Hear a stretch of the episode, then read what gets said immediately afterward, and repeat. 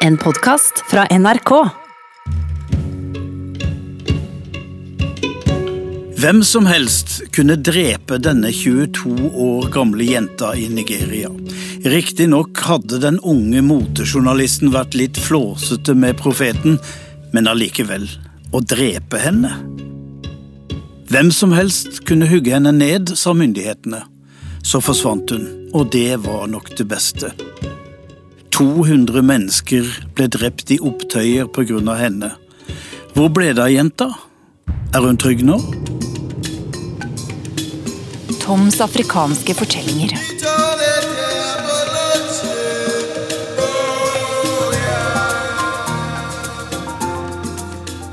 Jeg heter Tom Kristiansen og har jobbet i NRK i 40 år. Ofte på reise, særlig i Afrika. I metropoler og landsbyer har jeg truffet folk som har historier å fortelle. Noen av dem glemmer jeg aldri, særlig ikke den jeg skal fortelle nå.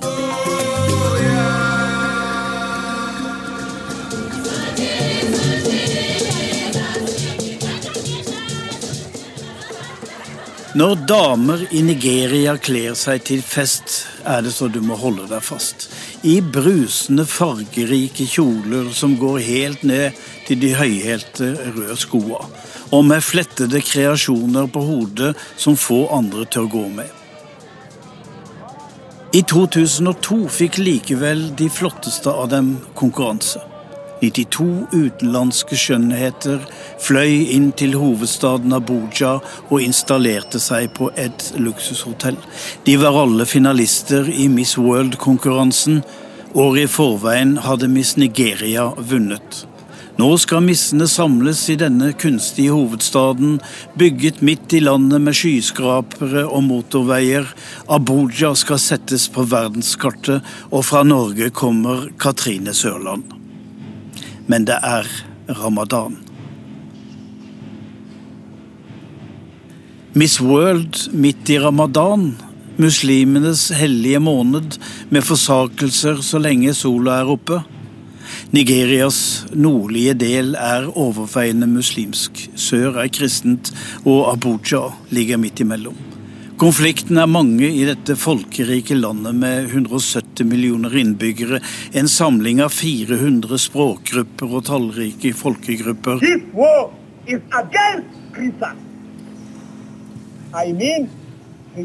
Her er ytterliggående muslimer og hysteriske pinsepredikanter og mer fredelige Abrahams barn. Missene er blitt bedt om å holde seg på rommene, for det er uro i gatene.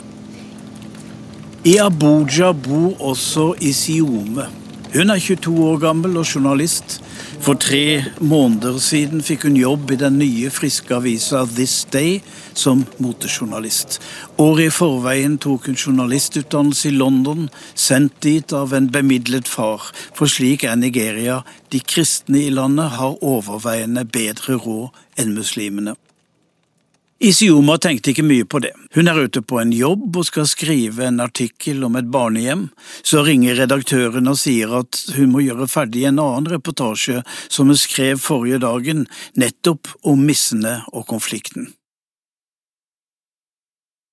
Hun syns hele greia var overdrevet. Hvordan kan noen pene utenlandske damer på et hotell plage menn med store skjegg som ikke skal se dem i det hele tatt?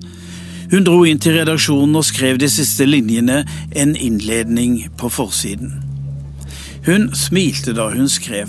Isioma ville være litt frekk og uvøren. Er det så farlig med noen misser, og hva ville profeten sagt? For sikkerhets skyld viste hun fram teksten til redaktøren. Han var opptatt med noe annet og lot øynene gli over skjermen, og sa ok. Så gikk Isioma hjem. Etter hvert tenkte hun på det hun hadde skrevet. Var det litt for drøyt? Det var som en klump i magen. Hun kunne dratt tilbake, men som nybegynner ville hun ikke lage for mye støy rundt seg selv. Så kom helgen, og hun tenkte ikke mer på saken.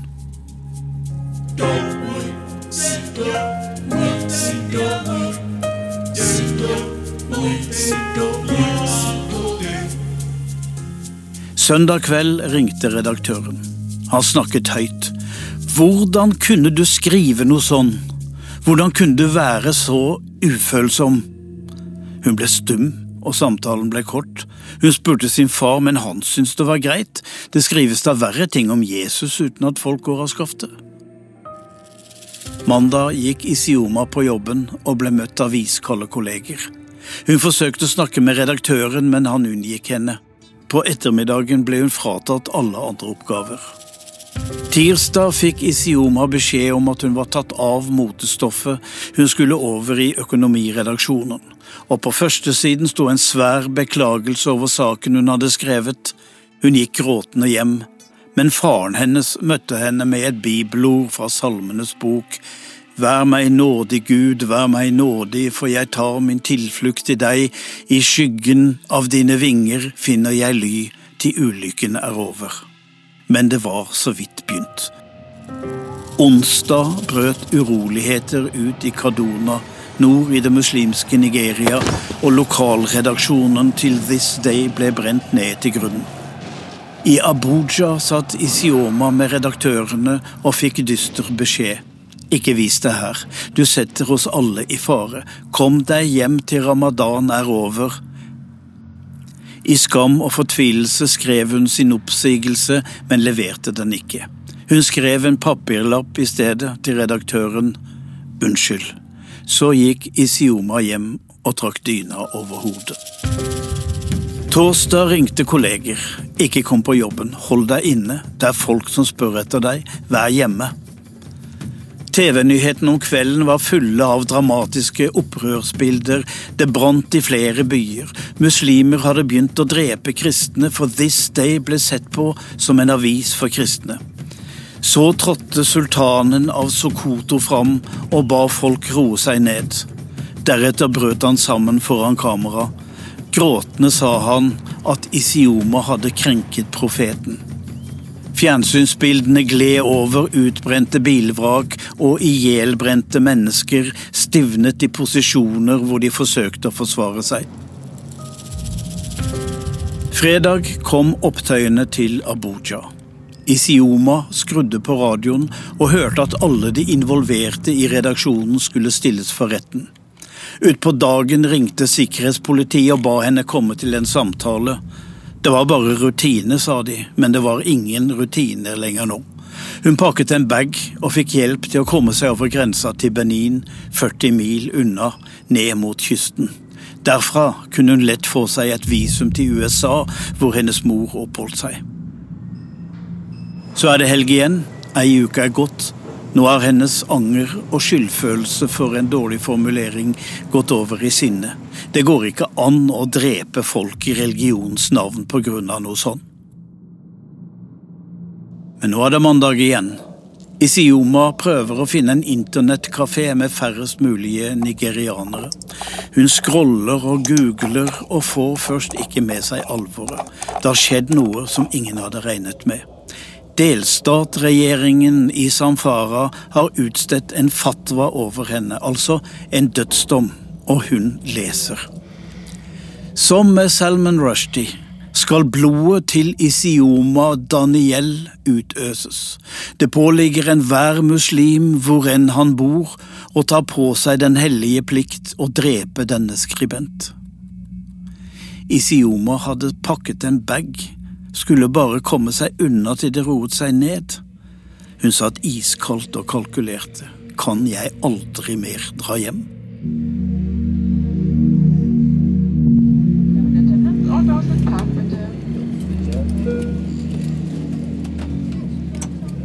Selv måtte jeg dra til Nigeria og undersøke den utrolige historien. Flyet landet på den travle flyplassen i Lagos. This is the toilet of Africa, sa den britiske forretningsmannen som satt ved siden av meg og så ned på slumbyen i enden av rullebanen. Mannen i kontrollen fikk sin sedvanlige tidollarseddel stukket inn i passet, og jeg kunne gå. Nigeria kjente jeg godt fra før. Turer hadde gått til det oljerike sør, der Biafra en gang prøvde å bli en egen stat. Jeg hadde vært i Lagos og latt meg sjokkere og beta av kaos og sjarm med håpløse bilkøer og fin musikk, smarte akademikere og spektakulære forretningsfolk. Jeg hadde sett rundlurte gründere fra Norge som trodde de kunne dele arven til enka etter den styrtede president Sani Abacha, men nå skulle jeg til det muslimske, voldelige, farlige nord. Blodige sammenstøt var alt vi hørte om fra den kanten. Det ble et innenriksfly til Abuja og bil derfra. Jeg kom til Kaduna, en millionby, etter tre timer på moderne motorveier. Det var ro i byen, men ruinene av den nedbrente redaksjonen til This Day hadde ingen ryddet. Ungdommer hang gatelangs i parker, på sykkel og moped midt på dagen. De var verken på skolen eller i arbeid. Bungalowene i de kristne bydelene hadde blomsterrike hager, de muslimske strøkene var mer nøkterne. Det er her muslimsk ungdom drepte 200 kristne. Opptøyer og drap var sanne utslag av konflikten. Det var en farlig by, og nå er det snart valg. Men det er her jeg mister tråden. For hvem er det de muslimske ungdommene har flokket seg rundt og vil stemme på? En kristen kvinne. Det er noe jeg ikke har forstått.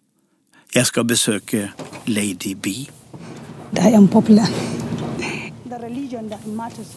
Hun er midt i valgkampen. Jeg treffer henne hjemme. Binta Masi Garba kan hele historien om motejournalisten fra This Day. Hun lurer også på hvor det er blitt av henne. Men mest tenker Binta på hvordan hun skal erobre et sete i nasjonalforsamlingen nede i Abuja. So when are you going to be president? I wouldn't know when I'm going to be a president. Let me finish with the member of House of Representatives first. Hun står i entreen og knytter sitt fargerike hodeplagg. Det er ikke for å dekke sitt hår, Binta vil helst framheve sine lange hårforlengere. Hun stiger opp i de røde høyhælte skoene og retter på kjolen. En sjåfør skal kjøre henne til kontoret, og Binta sitter i baksetet med en omfangsrik veske på armen. It is not me that will decide what I will become. It is the people's mandate that will decide. Utenfor kontoret er det fullt av folk som vil treffe Binta. Deres store håp. Den eneste lysning i et fattig liv uten jobb og framtid. Gutta henger i skyggen. De er alle i slutten av tenårene og uten arbeid. Noen er oppgitte, andre er sinte. Hvorfor har de kommet til Binta? Ja, hvorfor det? For Binta er jo ikke muslim som sine foreldre. Hun konventerte til kristen tro og har siden studert teologi og blitt æresdoktor ved et presteseminar i USA. Foreldrene hadde godtatt det. Hun vokste forresten opp i ei militærbrakke hvor faren var offiser. Nå stiller hun til valg for All Nigerian People's Party. Det er et parti som særlig tiltrekker seg muslimer her i nord, og skulle hun vinne, vil partiet støtte opposisjonskandidaten Muhammadu Buhari, en troende muslim. Ungdommene ser henført på den flotte Lady B som stiger ut av bilen. Hun gir dem et varmt smil.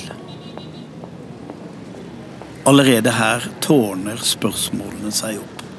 Hvorfor skal muslimsk ungdom og andre her i sharia-delstaten Samfara stemme på en kristen kvinne bare måneder etter at 200 ble drept i sammenstøt mellom kristne og muslimer? Det er det jeg er her for å finne ut av.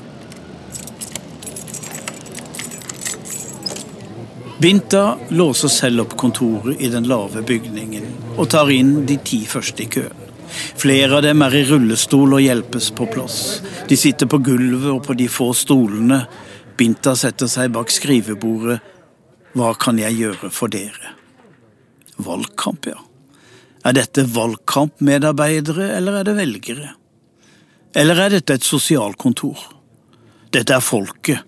De kommer til sin stjerne, den vakre Lady B, og forteller om sine liv, hvordan deres funksjonshemning har satt dem utenfor, ikke kom de på skole, ikke ville noen ansette dem.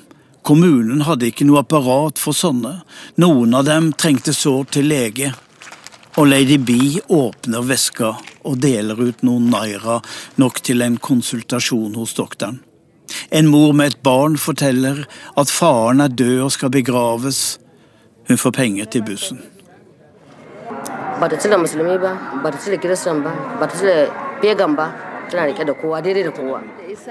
Den neste klager over kommunens tilbud for funksjonshemmede. Hun har ingen rullestol og blir fraktet rundt i ei trillebår.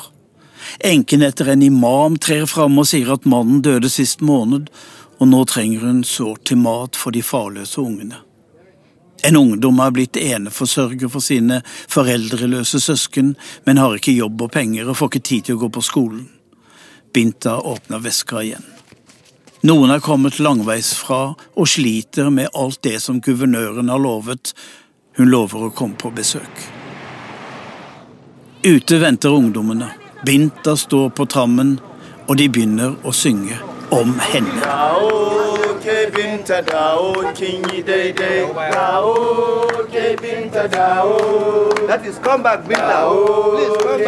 Det er laget viser om Lady B og alt hun gjør for folk. Det er henne de hyller med smil og dans, og hun danser med. Så holder hun en liten hilsen før nye velgere, klienter, kunder, venner, sørgende kan tre over dørstokken. Hun deler ut av egen lomme for å mikrofinansiere oppgaver det offentlige skulle ha skjøtt. Binta er godt gift og har penger, men jeg lurer på er dette korrupsjon? Kjøper hun seg stemmer?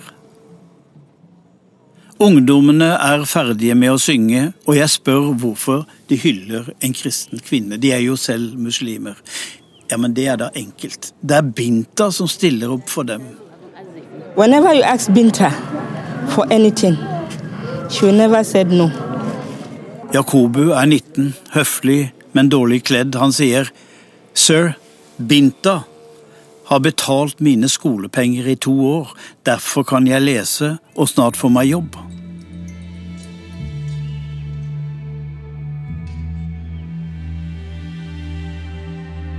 De er Bintas barn, den kristne frua som ungdommen tilber. De har vært med på uroligheter og har kastet stein etter den missegreia, men Binta, som er like kristen som den dødsdømte motejournalisten, hun er deres.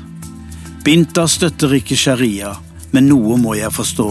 Rettssystemet her oppe var veldig korrupt. Folk med penger kunne kjøpe seg fri. Sharialoven ble innført for å rense opp. Sharia har regler for bankvesen, familieliv, kontraktsinngåelse, religion og mat. De strenge dommerne var ikke mottakelige for bestikkelser.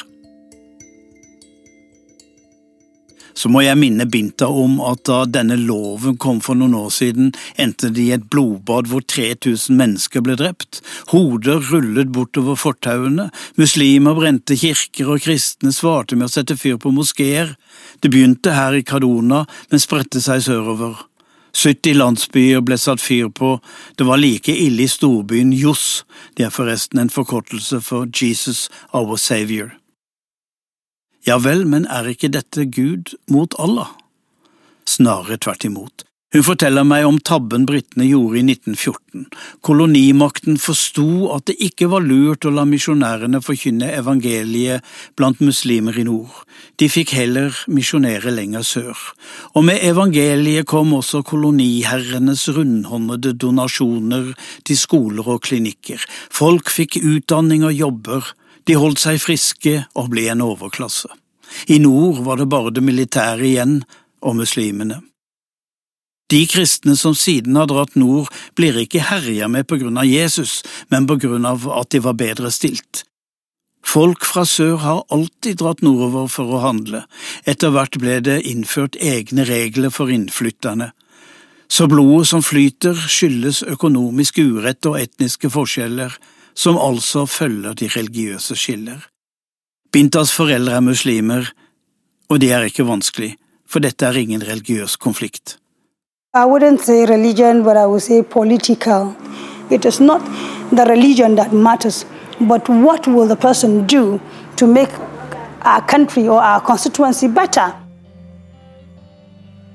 I dagene som kommer tar hun meg med på valgkamp. Det er fulle fotballstadioner og ildfulle taler.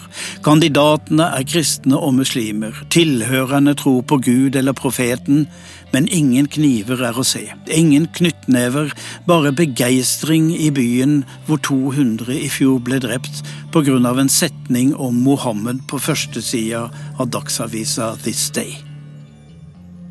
Men hva var den setningen? I en kommentar om Miss World-finalen som skulle holdes i Abuja i 2002, og som endte med dødsdommen over hun som skrev den, Isioma Daniel, i den kommentaren som hun siden beklaget, skrev hun. Muslimene trodde det var umoralsk å få 92 kvinner til Nigeria for å fryde seg over sin egen forfengelighet. Hva ville Mohammed synes om det hele? Han ville vel tatt en av dem til sin kone? Det var det som utløste kaos og blodbad, og som førte til at de 92 skjønnhetene ble skysset rett til flyplassen og sendt til London.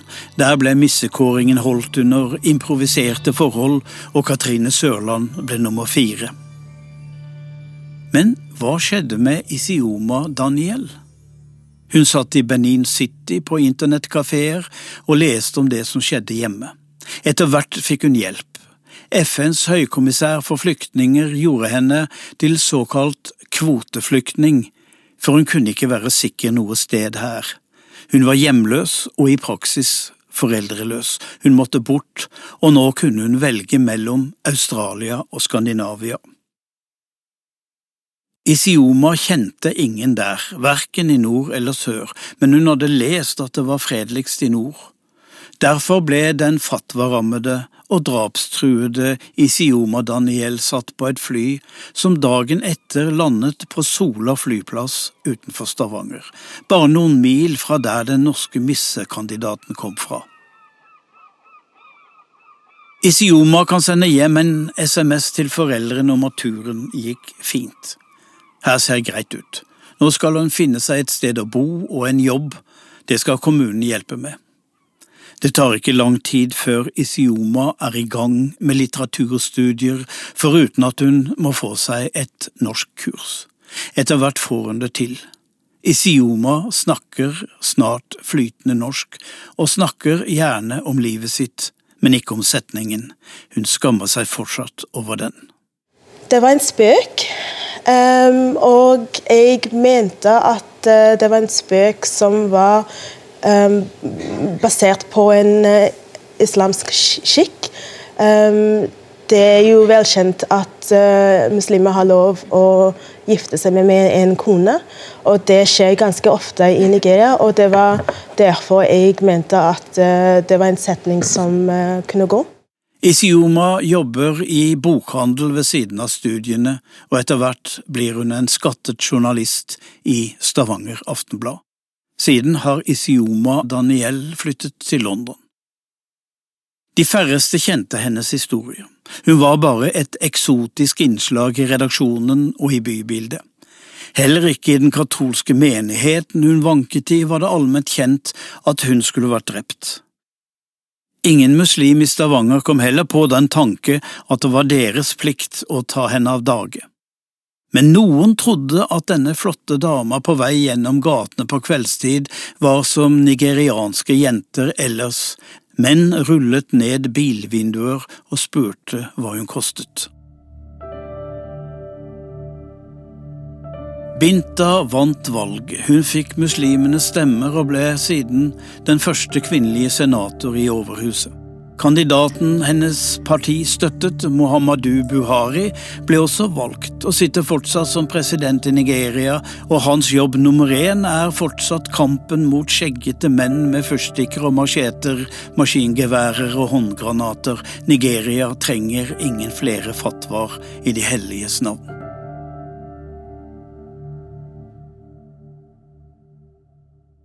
I London hjelper Isioma forretningsfolk som trenger å få orden på tanker og visjoner. Hun bruker alt hun har av journalistisk teft og kunnskap, litteraturstudienes innsikt i språket og kanskje noen erfaringer med å leve et truet liv.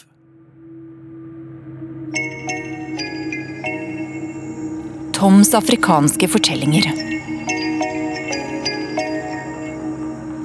Hele serien av Toms afrikanske fortellinger den finner du i appen NRK Radio. Eller der du ellers finner dine podkaster. Toms afrikanske fortellinger. Klipp og lyddesign var ved Lillian Grønning, og Marius Christiansen har laget musikken.